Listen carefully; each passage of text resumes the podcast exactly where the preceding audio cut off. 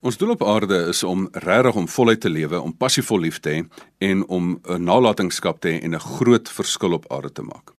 As ek glo in lewe na die dood, dan glo ek net soveel passievol in lewe voor die dood. En dit manifesteer dat jy voluit in die oomblik leef, dat jy voluit in elke aspek van jou lewe leef, dat jy wyd leef, dat jy passievol lief hê in elke verhouding dat jy die Here se hier wees op aarde geniet in 'n verhouding met hom en dat jy in dankbaarheid leef en gereeld feesvier, maar bo alles dat jy 'n reuse verskil op aarde maak. En dit is 'n verskil wat jy maak voor die dood. Met jou dood gaan daar 'n nalatenskap wees. Ja, natuurlik gaan daar 'n erfporsie wees, maar die erfporsie is die geld en die goedere en die skuld of goederes wat jy nalat. Maar jou nalatenskap is jou nalatenskap in mense, in die natuur, in, in strukture en in organisasies. Dit is jou voetspoor wat jy op aarde nalat. Ek vra altyd vir mense, wat is jou nalatenskap in ander mense se lewens? Is dit lekker om met jou saam te leef? As jy klaar is met iemand, groei daai persoon of bloei daai persoon? Is daai persoon beter af of is daai persoon slegter af? Het jy daai persoon aangemoedig of het jy daai persoon gebruik en misbruik? Wat is jou voetspoor in hulle lewe? Wat het jy ingebou in mense?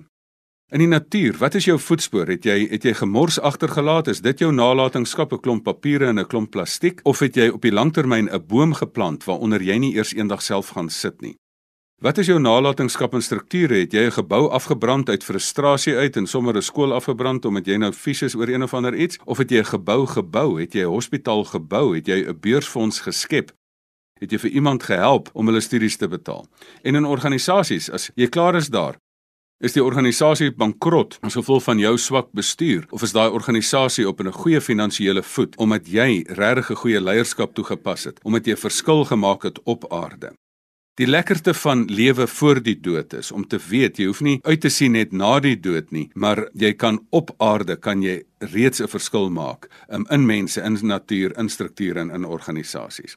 Mense wat dit doen het 'n ander motivering nie. Hulle leef nie net vir hulle self nie, hulle leef ook vir ander mense. Johannes 16 vers 13 sê: Geen groter liefde is daar as om jou lewe af te lê vir jou vriende nie. En dit was Jesus se nalatenskap dat hy met sy lewe wat hy vir ons afgelê het op aarde, het hy gemaak dat ons voluit kan lewe voor die dood en na die dood.